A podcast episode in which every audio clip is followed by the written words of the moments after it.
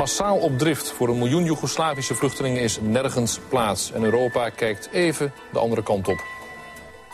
Zo erg is het sinds de Tweede Wereldoorlog in Europa niet geweest. Zoveel mensen op de vlucht voor de oorlog. Alles achterlaten en op weg. Naar nergens. De burgeroorlog in Joegoslavië heeft een ongehoorde stroom vluchtelingen teweeg gebracht. Dit is de oorlog in Joegoslavië. Ik weet niet precies, was het begin jaren negentig? Ja, ja. toch? Ja, precies. Twintig jaar geleden speelt dit. Bij de belegering van de Bosnische stad Sarajevo door de Serviërs. Een krankzinnig hoeveelheid mensen is op de vlucht geslagen. En tienduizenden Bosniërs kwamen naar Nederland. De vluchtelingen zullen hier twee dagen blijven. Hier in Zeewolde is het vooral een kwestie van op verhaal komen. Na een medische keuring zijn de meeste vluchtelingen vanmiddag gaan slapen. En ze zijn eigenlijk pas zojuist gewekt voor het avondeten. Het was een totale chaos in het begin. Vluchtelingen werden in asielzoekerscentra ondergebracht. Maar ze kregen van alles. Kleren, eten, zakgeld. Mhm. En iedereen maakt daar dankbaar gebruik van. ik zie je nu al een beetje lachen. Iedereen? Ja, Niet nou, iedereen? Bijna iedereen. Er is één jong gezin dat geen beroep wilde doen op de Nederlandse gastvrijheid. Asiel, dat, dat hoor je bij uh, Afrika. Dat was zo voor ons iets als je in, in de gevangenis gaat. Dat wil je niet. En dit is? Dit is Adi Omerovic. Ik kan voor mijzelf vechten en werken en alles doen, maar dat doe ik niet. Asiel, nee. En zijn vrouw, Narcissa, die was net zo vastberaden als hij. Ik had ruzie in gemeente en vreemdelingendienst. ja. Wat ik zei tegen die mevrouw, kijk... je moet uh, zich voorstellen dat jij nu zit in mijn plaats... en ik zit daar aan die overkant. Wat zou jou doen? Ik ben geen plant. Met een stickertje erop, tweemaal per week uh, water geven. Niet veel zon, schaduw, winter. Zo. Ik ben geen nummertje. Ze is, ze is geen plant. Ze is geen, nee, maar ze is geen nummer. Maar wat bedoelt ze nou precies? Nou, ze willen gewoon niet vegeteren in zo'n asielzoekerscentrum... en hun identiteit kwijtraken en daar passief afwachten. Ze denken, we zijn nog jong, we kunnen werken... en we hebben ook helemaal geen zin om gepamperd te worden door de overheid. Dat voelde gewoon niet goed.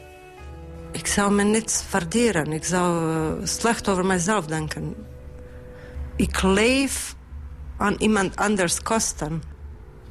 Ze, ze wilden niet op zeggen, de kosten van Nederland leven. Mhm. Maar het waren geen miljonairs, neem ik aan. Nee, sterker nog, ze hebben alles achtergelaten in Sarajevo. Dus ze kwamen met niks. Maar ze waren heel principieel. Ze wilden gewoon niks hebben. Ze wilden niet in een asielzoekerscentrum. Ze weigerden zelfs de vluchtelingenstatus. Hé, maar dat, dat gebeurt nooit, toch? Neem ik aan. Nee, dat hebben we ook gecheckt bij de IND. Dat doet echt helemaal niemand. niemand. Nee, normaal staan mensen in de rij voor zo'n status. En de dame van de Vreemdelingendienst toen... die was dus ook een beetje... ja, Pissig? Precies, verontwaardigd. Voor iedereen is het goed, alleen voor jou is het niet goed. Wie ben jij? Ik zei, ja, ik ben gewoon een mens. Niemand speciaal, niemand bijzonder. Maar ik ga gewoon in de gang zitten. Ik zeg, ging heen en weer en ze kijkt naar mij toe. Ik zei, ja, ik wacht op de chef. Ja, uh, hij heeft geen tijd voor jullie en zo. Ik zei, ja, ik wacht. Ik heb tijd genoeg.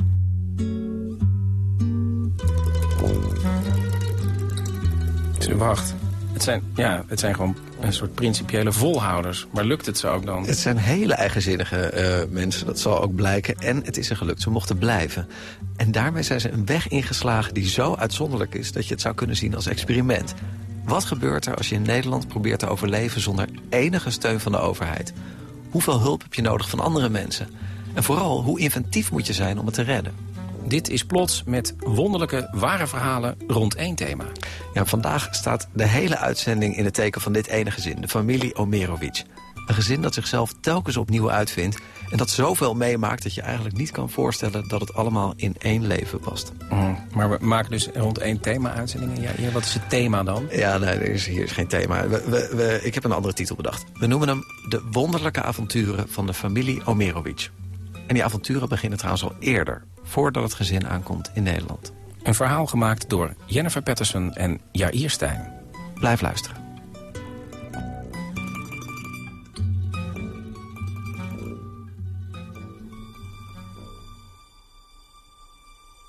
Hoofdstuk 1. Toeristen. Ik kan me herinneren dat die televisietoren die werd gebombardeerd.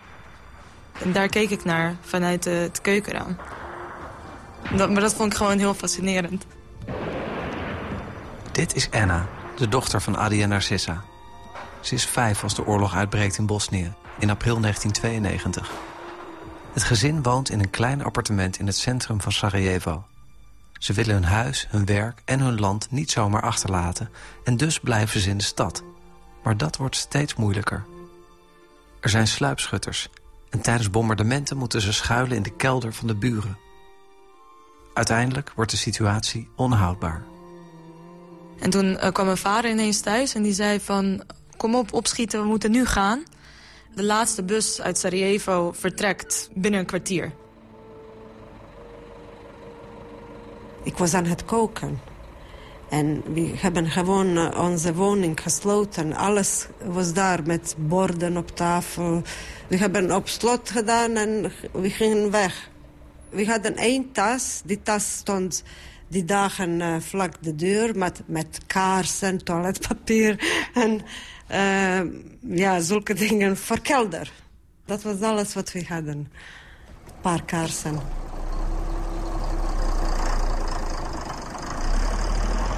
Ze gaan eerst naar Slovenië, maar besluiten om verder te reizen. Naar een land waar meer werk te vinden is. Een land waar ze ooit op vakantie zijn geweest. En waar ze goede herinneringen aan hebben. We besloten naar Nederland te gaan, maar goed dan. Adi heeft een idee. Hij stapt een rentecar binnen. Kan je dat voorstellen? Vluchtelingen in een rentecar? De eigenaar is iemand die ze een beetje kennen... van eerdere reizen in Slovenië. Adi legt hem uit dat ze dringend een auto nodig hebben. Er is slechts één probleem. Ze hebben geen geld. En oh ja, er is nog iets. Als ik kom naar Nederland, ik weet niet, hoe, hoe kan ik jouw auto terugbrengen? Ga je zeggen, maar, laat maar, ga maar gewoon. Probeer maar. Zoek jouw geluk. En zo is het gebeurd. Het is juli als de familie Omerovic aankomt bij de douanepost tussen Duitsland en Oostenrijk. Anna, een meisje met donkere krullen, slaapt op de achterbank. Adi, een grote man met zware wenkbrauwen, zit achter het stuur...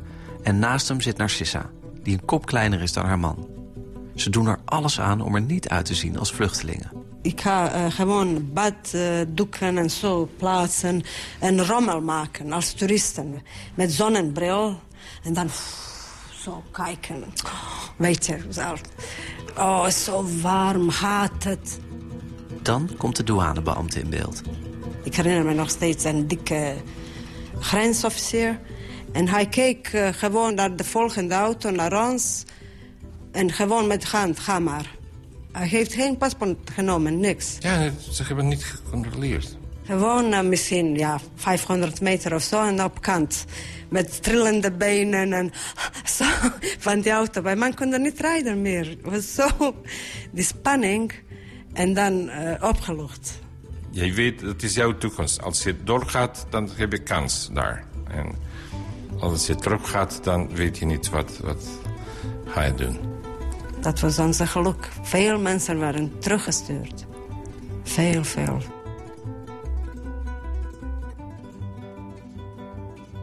Hoofdstuk 2. McDonald's. Aangekomen in Nederland begint het lange gevecht met de ambtenaren van de Vreemdelingendienst... die maar niet kunnen begrijpen waarom de familie Omerovic geen hulp wil... of een vluchtelingenstatus. Maar Adi en Narcissa houden voet bij stuk... en uiteindelijk maakt de Vreemdelingendienst een uitzondering voor ze. Ze mogen blijven, maar in afwachting van een verblijfsvergunning... mogen ze niet in dienstverband werken. Ze mogen wel een huis huren en vinden een appartement in Rotterdam-Noord. Van de buurman lenen ze geld om de huur te betalen. Een lege woning zonder matras, zonder een tandenborstel, niks. Niemand, ik denk, uh, niet en je weet niet uh, hoeveel spullen heb je nodig om gewoon uh, eenvoudig te leven. Tot die moment dat het komt dat je verliest alles. En dan besef je pas dat hoeveel... we moesten alles, alles opnieuw kopen, ja. Echt, ik herinner me dat Anna moest met lege shampoos en uh, dozen van iets spelen. Dat was haar speelgoed. Dochter Anna was vijf jaar toen de familie Omerovic aankwam in Nederland. Nu is ze 26. Ik weet wel dat we heel veel wandelden dat we geen openbaar vervoer gebruikten. En dat was ongeveer een uur naar school. Maar wij hadden ook, omdat je dan beelden ziet van Sarajevo, van de oorlog op tv... Uh, dus wij hadden nooit een gevoel dat wij het slecht hebben. Tenminste, ik heb het nooit zo gehad. Omdat ik weet wat mensen daar doormaken. Dus jij hebt het juist heel goed. Een half jaar na aankomst hebben ze voor het eerst genoeg geld over... om iets van luxe te kopen voor hun dochter. Een onvergetelijk moment. Adi en ik, we zitten erbij om Anna te kijken... hoe we kunnen nu in McDonald's zitten met onze dochter en een burger kopen. Eén, ja, voor haar. De eerste McDonald's burger voor Anna.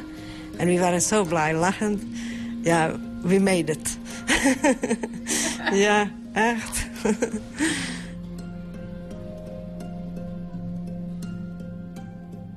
Hoofdstuk 3. Vlees. Twee jaar na aankomst is het zover. De familie Omerowitz krijgt een verblijfsvergunning... en kan eindelijk werk gaan zoeken.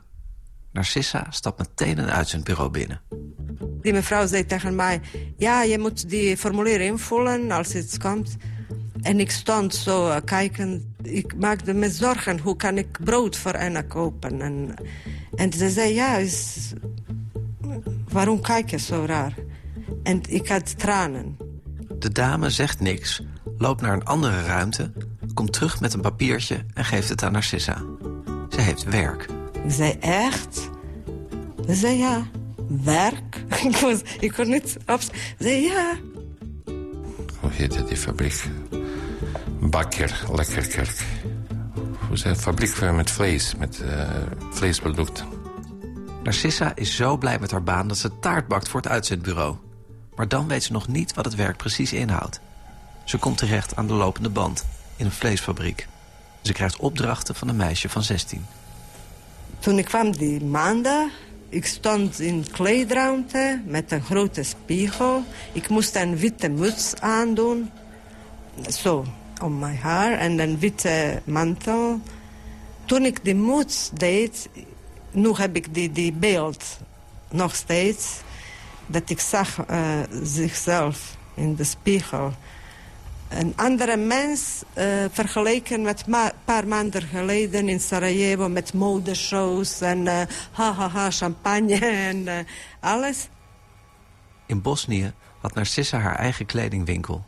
Ze werd zelfs gevraagd om lokale artiesten en filmsterren aan te kleden. En nu een witte muts en die, die 16-jarige wacht daar en zei... ja, doe maar goed op je haren en zo, met een stem. Bazen.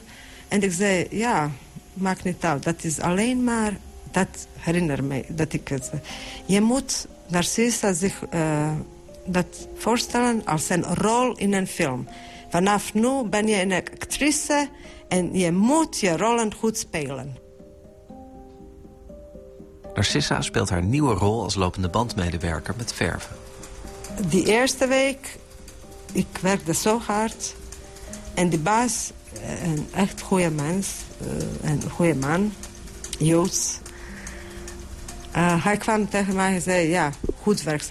Ik ben echt blij. Ik zei, kan je voorstellen, als ik zo goed ben... hoe goed is mijn man? Hij is tweemaal groter dan ik. Hij keek naar mij.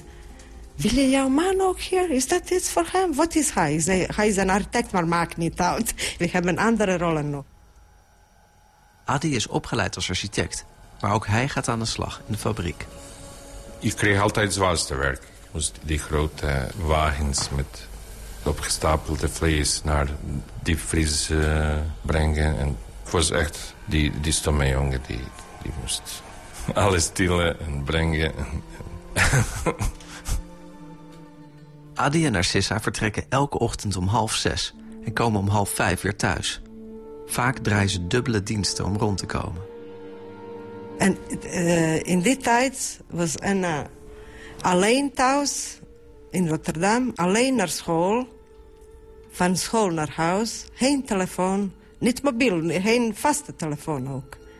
En dat was echt iedere dag uh, uh, angst. Als het goed thuis is gekomen, het was, ja, ze was klein, ze was zeven. Een slechte beurt, je kan van alles verwachten. Ja, en, en soms had het probleem, ze kon niet de deur openmaken van het appartementgebouw. Ze zijn altijd bang geweest of ze kon open of niet. En die buurman zei tegen ons... je kan niet gewoon jouw dochter zomaar laten. Die, die deur was te zwaar voor haar. Ze kon niet naar buiten gaan. En ze huilde en hij ging naar werk. En hij zag Anna huilend met de deur zo trekken. En ja, ik zei tegen hem, ja, wat kan ik doen? Ik, ik heb geen keus. Maar eerder hadden ze wel een keus. En ze beginnen te twijfelen of ze toen wel de juiste hebben gemaakt. Al die mensen die naar, de, naar het asielcentrum gingen, was het beter. Omdat andere mensen, bijvoorbeeld ook mijn vriendin uit Sarajevo... hadden uh, woningen gekregen, geld iedere maand... cursus Nederlands gratis, uh, alles geregeld. En wij moesten uh, geld lenen om de huur van de particuliere woning te betalen. Alles zelf verdienen. Anna kan zich niet veel herinneren van de zware omstandigheden thuis. Ze was in haar eigen wereld en had haar eigen missie. Ik was ook heel erg bezig om Nederlands te leren. Want ik wilde me bewijzen en ik wilde een beetje in de menigte zich toevoegen... dat ik niet anders zou zijn dan andere mensen. En dus ik uh, ging altijd naar de bibliotheek. Daar had uh, ik heel veel tijd doorgebracht. En volgens mij was ik negen toen die vrouw zei in de bibliotheek van... Zo, nou heb je alles van de jeugdafdeling gelezen. Nu kan je over naar volwassenen. Dus ik koos niet eens welk boek ik zou lezen. Het was, ik las alles. Alles wat er was. Op een dag staat Narcissa aan de lopende band... als op de radio nieuws hoort over Bosnië. Bij de gevechten in Bosnië-Herzegovina zijn de afgelopen 24 uur weer tientallen mensen omgekomen. Onder hen twee kinderen die deel uitmaken van een... Ik hoorde gewoon uh, over Sarajevo, hoeveel granaten in de nacht, hoeveel slachtoffers. En niemand luistert. Dat is lopende band.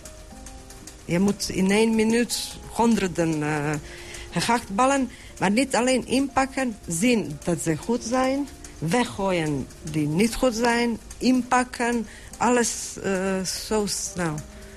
Je doet en je luistert, Be begrijp je?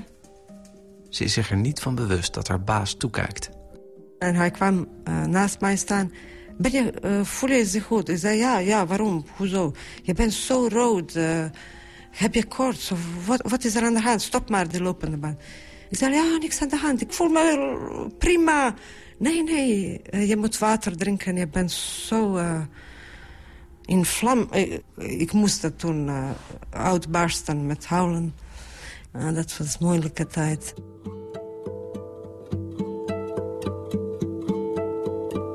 Het is bijna zomer en dat betekent dat goedkope scholieren de uitzendkrachten zullen vervangen in de fabriek. Maar er is één vacature voor een vaste baan. Adi en Narcissa solliciteren beide op de functie. Hun baas vraagt ze om langs te komen op zijn kantoor. En hij zei, ik heb gezien dat jullie hebben dat gesolliciteerd. Denk niet dat ik denk dat jullie zijn niet goed. Maar dit is niet voor jou. Dat is niet voor jullie twee. Wat je nu doet, is noodzaak om over te leven. Voor andere mensen. Dat is hun uh, doel. Dat is wat ze willen. En we waren een beetje teleurgesteld. Teleurgesteld, ja. Hij zei, ja, ik, ik ga gewoon jullie niet in dienst nemen. Ik wil dat niet doen, anders zou ik jouw vijand zijn. En hij was echt... Uh, dat was een goede beslissing. Anders zou we in, uh, in vaste dienst in fa fabriek tot, tot nu toe misschien werken, ja. En toen begonnen wij, eigenlijk ik, met ijs. IJs was echt iets wat uh, bepaalde onze toekomst toen. Hoofdstuk 4. IJs. Adi heeft nieuw werk geregeld. Met een bakfiets met een kleine vriezer erop... fietst hij langs verschillende scholen... en verkoopt ijs tijdens de pauzes. Op weg naar een van die scholen moet hij een keer langs Rotterdam Centraal rijden. Bij perron 0. Hij moet zich haasten om op tijd te komen voor de pauze. Ik moest daar om op tijd te zijn naar school. Anders niemand gebruikt die weg. Want het is heel gevaarlijk als je ziet die verslaafde mensen. En ik ging en toen een van die verslaafden stopte mij en zegt... geef maar een ijs. En gaf ijs en snel. ik wilde weg, andere kwam en derde. En ja, ik was zo bang op het moment wat gaat gebeuren. En toen herinnerde ik dat ik ergens gelezen heb... dat de verslaafde mensen hebben uh, behoefte aan, aan de ijs. En ik stopte in de tunnel en terug. En dat was echt de uh, beste verkoopplaats, denk ik, in heel Nederland. Maakt niet uit of uh, regent of warm of koud of wat dan ook. Ze willen ijs en ik was gewoon ijsboer.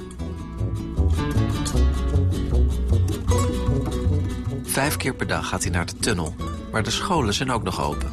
En één van die scholen valt hem op. En toen heeft hij me verteld, één dag... Uh, oh, je moet zien in school, in het centrum, heel bijzondere school. Kinderen staan in een rij, zo beleefd. En uh, ik heb het nooit tot nu toe niet meegemaakt. En hij vroeg die conciërge daar... Ja, wat voor school is dit? Ik heb een uh, dochter, die leeftijd. En die zei tegen mijn man... Oh, dat is niks voor jou. Niet voor jouw dochter. Dat is een uh, speciale school voor speciale mensen, zeg maar. Anna zit op een school bij hen in de buurt... maar Narcissa is er niet tevreden mee. Haar dochter is de beste van de klas... En juist dat baart haar zorgen. Mijn kind is geen wonderkind. Hoe kan ze best zijn dat ze is pas gekomen? Op een dag, als Adi met zijn bakfiets bij de speciale school staat... komt de conciërge hem halen omdat de directeur met hem wil spreken. Voor zijn verjaardag wil hij alle kinderen van de school op ijs trakteren... en hij vraagt aan Adi om het te regelen.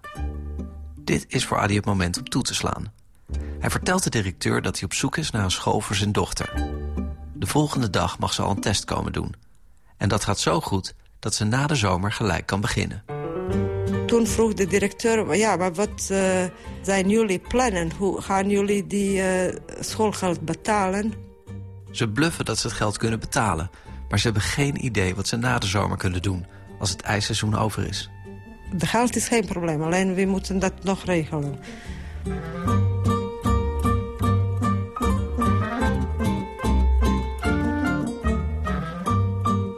Hoofdstuk 5. Donuts. Narcissa en Adi ruilen de bakfiets in voor een oud geel busje. En het ijs voor donuts. Donuts op vielen. Adi's idee eigenlijk, ja. Ook zelf gesneden en alles opgebouwd. Ik heb dat zelf opgeschreven, donuts op vielen. Narcissa was fabriek thuis om donuts uh, te versieren met verschillende smaken op de donuts. Het is echt uh, kunst. En dan doet de deur open en alle donuts in verschillende kleuren. En dan hebben wij bestellingen gekregen van andere zaken. Het ging heel goed te doen. Anna doet het goed op de nieuwe school. En zowel de kinderen als hun ouders raken nieuwsgierig naar de nieuwe leerling. Een vluchteling met een vader die donuts verkoopt op het schoolplein. En iedereen wilde iets voor ons uh, doen als het kan. Wachtend op het schoolplein raakt Narcissa in gesprek met een andere moeder... die vragen begint te stellen. Wat is jouw man eigenlijk? Ze is heel relaxed. Ik zei, ja, architect. Oh, ik ken een groot bedrijf. Ik denk uh, meer dan 100 architecten. Nog geen bij. Wat maakt het uit? Ik zei, ja, maar hij heeft honderden sollicitaties opgestuurd. Nooit een antwoord gekregen. Adi mag op gesprek komen bij het architectenbureau... maar gaat ervan uit dat het op niks uit zal lopen. Hij heeft niet eens een diploma, want die is bij de vlucht achtergebleven in Sarajevo. Maar de directeur van het architectenbureau zegt... Je krijgt je tafel en drie maanden en laat zien wat je kan doen. Maakt mij niet uit of je hebt diploma of niet. Jouw diploma zie ik op, uh, op de tafel en dat was ook zo. Dat was de ticket voor een goede leven. Plotseling ben je, ben je iemand, ja. Dus je bent iemand, dan niemand, dan, dan weer iemand en dan...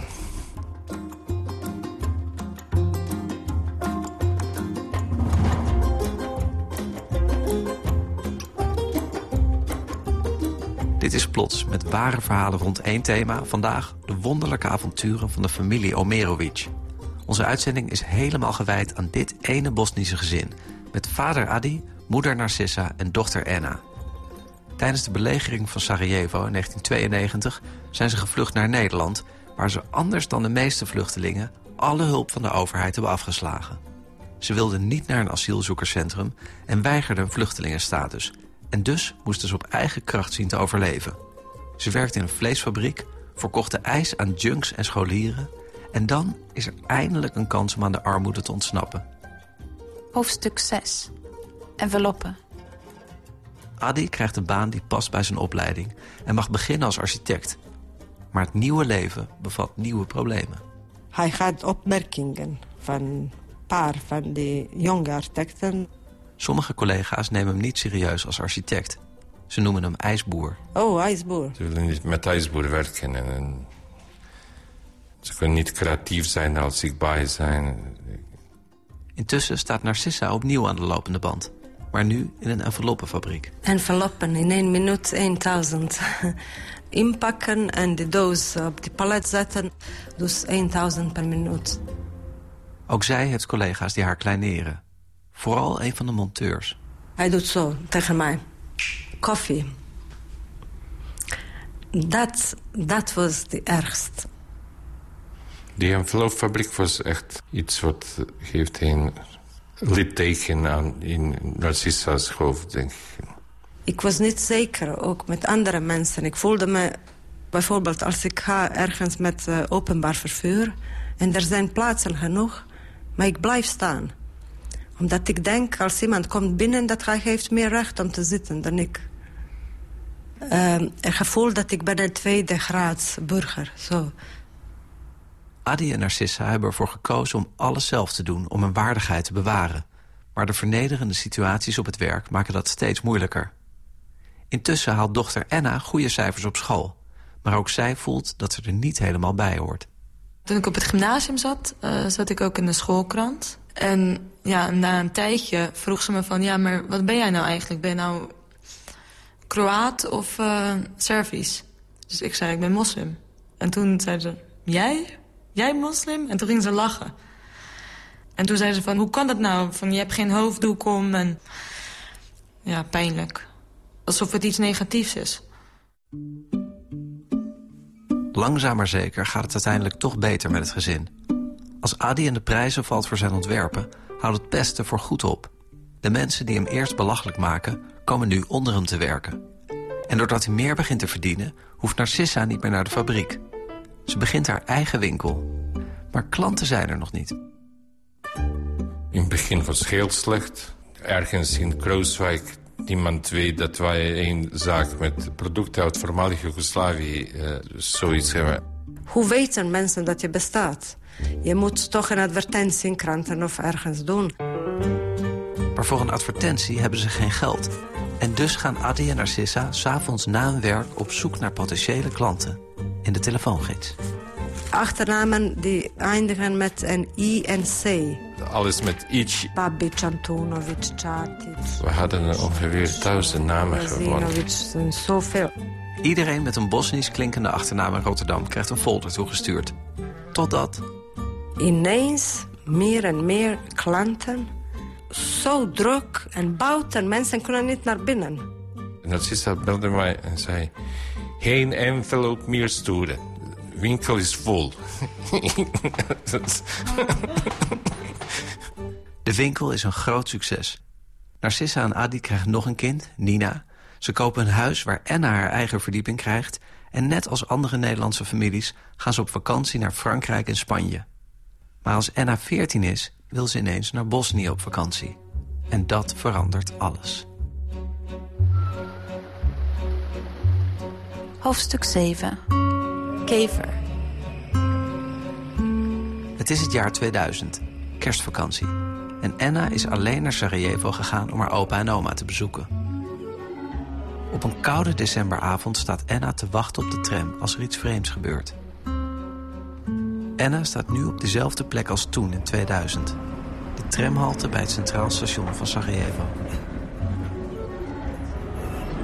Ik stond hier en het was best wel slecht weer. Mistig.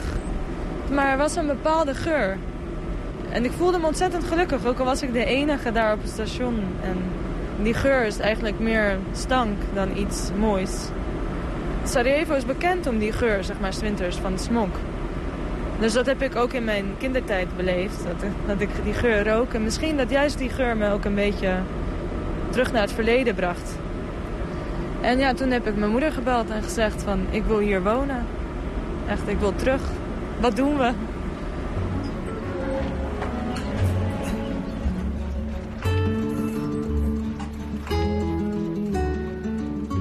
Haar ouders nemen het niet serieus. Ik dacht, ja, laat maar. Dat gaat niet. Ze gaat vergeten over uh, enkele maanden. De volgende zomer gaat het gezin naar Sarajevo... om een oude appartement te verkopen. Anna zit het grootste deel van de tijd met andere tieners... in een kapotgeschoten kever die achtergelaten op straat staat. Uren hebben we daar zitten praten. En ik voelde me zo gelukkig. En ik zei toen tegen mijn ouders van... ik heb geen geld nodig, ik heb geen opgeruimde straten nodig... grote winkels en dat soort dingen om gelukkig te zijn. Ik, ik was gelukkig daar in die oude kever die verwoest was. Gewoon om te praten en dat is het leven. Dat wil ik. Anna voelt zich thuis. Maar voor Narcissa is het juist een schok om te zien... hoe weinig haar dochter van haar geboortestad heeft onthouden. Op een mooie zomeravond lopen ze door de stad. Ik zie voor me mijn dochter lopen met die buurmeisje... en uh, ze keek zo als uh, iemand die is in een, op een vreemde planeet belandt. Ze wisten niet de namen van de straat, waarheen te gaan. Sarajevo was echt een vreemde stad voor haar. En dat vond ik pijnlijk. Ik dacht, wat doe ik voor mijn kind? misschien ooit in hun leven gaan ze nergens horen bij. Narcissa vertelt niets aan haar man. Maar diezelfde avond zijn ze samen thuis. Anna is weer met haar vrienden in de oude kever. Nina slaapt. We hadden een klein balkonnetje. Een beetje verwoest en alles, maar toch, toch ons. En ik zat in het balkonnetje en uh, ik wilde een sigaretje roken. En dan, uh, ik hoorde die hond van de buren hij was altijd op een ketting. En dan hoor je die uh, geluid van de ketting en die lege uh, bord, metaal. Hij had honger en dan met de bord. Dat was iets dat ik hoorde uh, ook vroeger, die, die, geluid. Het is moeilijk dat uit te leggen. Die geluidjes gewoon van de stad.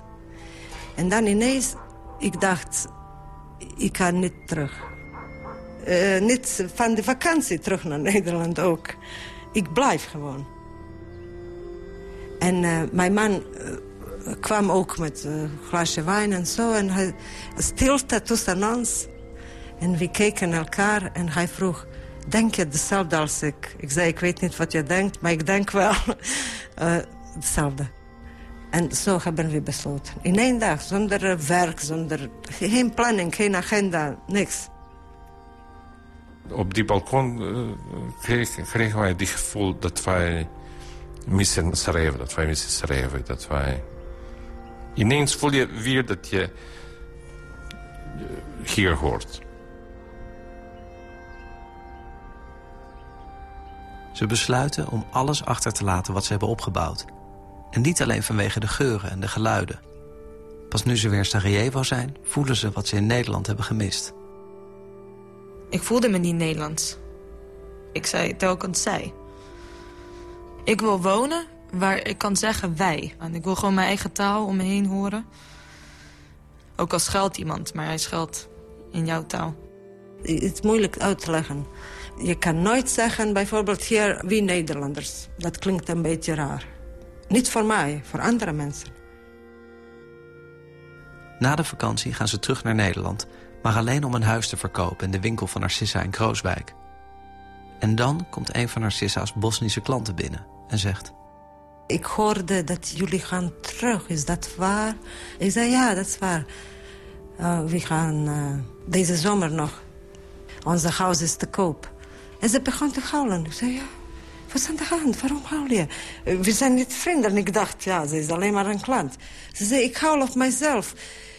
Eh, al die jaren, jij was mijn doel. Ik dacht, één dag zal ik eh, iets als jij bereiken... en dan pas word ik gelukkig. Als jij bent niet gelukkig hier, wat doe ik dan hier? Ze een, eh, haar eigen lot.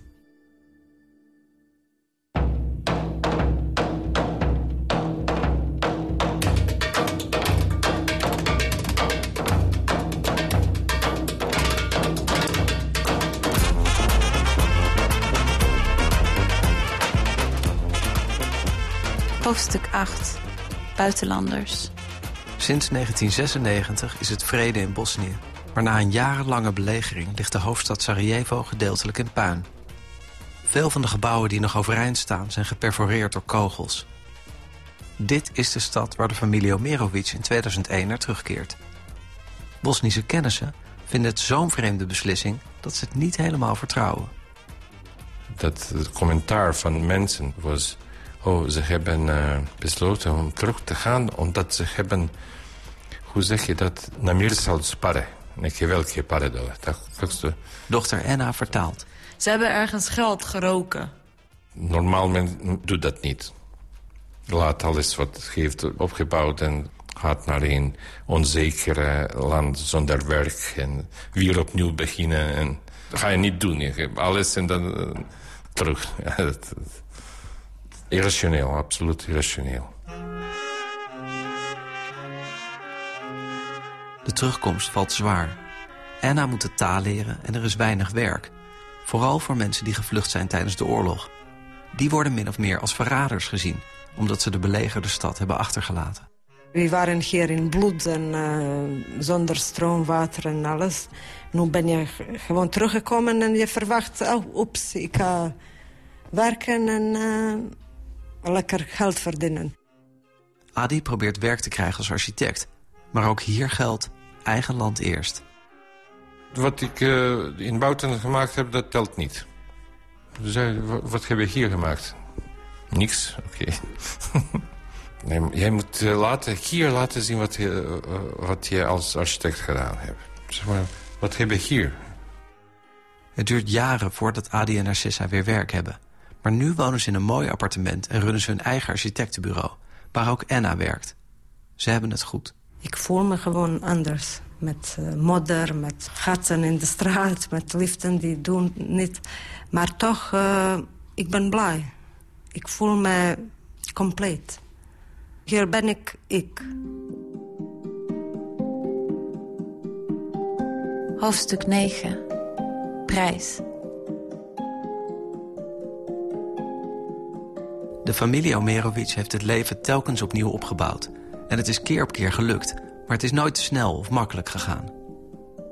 De beslissing om in alle gevallen je hart te volgen... is soms even indrukwekkend als zelfdestructief. We hebben echt een eh, hoge prijs moeten betalen voor die eigen weg. Stress, en jarenlang. En ik heb spijt eh, na al die jaren dat we hebben zo, eh, ik denk, te hard en te veel gewerkt, mijn man en ik, dat we hebben sommige dingen eh, gemist. We kunnen dat niet nu terug vinden eh, gewoon eh, een beetje aan onszelf te denken. Bijvoorbeeld als iets leuks is of gezellig of ik lach te veel, ik geniet, dan in, ergens in achterhoofd, ik denk, oh jeetje, het moet iets slechts gebeuren. Ik durf niet meer te lachen. Ik kan niet genieten. Als Narcissa naar een psycholoog gaat, tekent die een diagram op het bord... en zegt... Jullie zijn nu op het punt waar mensen zijn met 75. En toen was ik eh, 40 of zoiets. Ze is nu 51 en kampt nog steeds met dezelfde problemen. Ze droomt ervan om met pensioen te gaan, maar het zal een droom blijven. Als zelfstandig ondernemer hebben ze geen pensioen opgebouwd. En in Bosnië bestaat ook niet zoiets als een uitkering of studiefinanciering. en ze zijn nog jong en vooral Nina met 13. Hoe gaat straks haar studie betalen? En dat maak ik me over zorgen. We hebben geen uh, echt spaargeld. En we zijn echt een beetje moe. Ik voel me moe. Ik ben te moe om te werken. Het rusteloze leven van de familie Omerovic kan het gevolg zijn van de oorlog... waardoor zo'n land twintig jaar geleden moest ontvluchten. Maar misschien is het ook een kwestie van karakter. Je moet een zekere gokmentaliteit hebben... om steeds alles op het spel te zetten op zoek naar een beter leven... en telkens te kiezen voor de weg van de meeste weerstand. Maar ondanks al het werk, de stress en de vele verhuizingen... hebben ze geen spijt. Je moet die weg, de moeilijke weg kiezen. Anders ben je leeg. Geen spijt van hun beslissing om alle hulp van de Nederlandse overheid te weigeren... toen ze als vluchteling aankwamen. In mijn weg. Ik voelde me nuttig. Ik was nodig in vlees te inpakken. Ze hadden niet genoeg mensen. Ze hadden nog meer mensen nodig, maar ze konden niet vinden. Ik heb niet iemands plaats genomen. En geen spijt van hun besluit om terug te keren naar Bosnië. Ook al is het heel erg moeilijk, nu is het qua politiek en economie heel erg slecht in Bosnië. Maar dat is mijn land. Ja, het is slecht, maar ik hoor daarbij. Ik hou van Nederland heel veel. Dat is echt, ik heb echt gevoel voor Nederland. Maar het is niet mijn land. Ik uh, vergelijk het vaak met gevoelens van een adoptiekind. Dus in mijn geval is Bosnië mijn biologische moeder... en uh, Nederland is mijn adoptiemoeder. En zoals iedere uh, geadopteerde kind is blij bijvoorbeeld met adoptieouders en leven. Alles is oké, okay, perfect. En beter dan bij biologische ouders met problemen of weet ik veel wat. Maar toch, de kind blijft het hele leven zoeken voor biologische moeder. Toch haar te vinden. Dat gevoel hebben we. Die verlang, die, die behoefte aan je eigen land.